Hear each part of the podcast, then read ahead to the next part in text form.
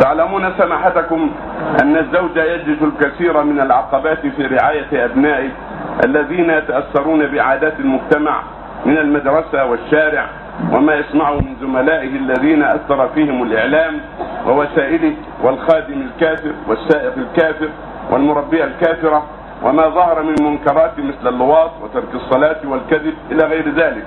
الأمر الذي يتطلب من الوالد متابعة أولاده أولا بأول فكيف يستطيع الجمع بين تربية أبنائه ومتابعتهم وإصلاحهم والإقامة مع زوجته الثانية بعيدا عن أولاده في مسكن آخر لأسبوع أو أكثر ليحقق العدل بين زوجاته؟ نرجو من سماحتكم فتوانا في ذلك. ما سمعت الله يقول فاتقوا الله ما استطعتم. لا يكلف الله نفسا إلا وسعها. هذه يتقي الله ما استطاع في تربية أولاده؟ وفي تشجيع أخوته واعمامه أن يساعدوه وأبناء الكبار على تربية الصغار ويتعاون مع أمهاتهم ومع إخوته ومع أعمامه ومع أخوانهم حتى يربوهم التربيه الإسلامية. فاتقوا الله ما على المسلم يتعاون على البر والتقوى. وأن يبذل الوسع في ذلك. وهذا زمن الغربة. أنت يا أخي الآن في زمن الغربة. نحن كنا في زمن في عصر الغربة.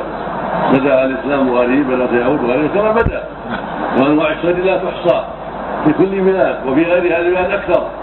في هذه البلاد شر كثير وفي غيرها أشر وأكثر. فأنت الآن في زمن الغربة فعليك أن تتقي الله وأن تجاهد ما استطعت وأن تعمل بالإصلاح ما استطعت وليس تزوج الثانية والذي يعظم هذا الإصلاح. نعم.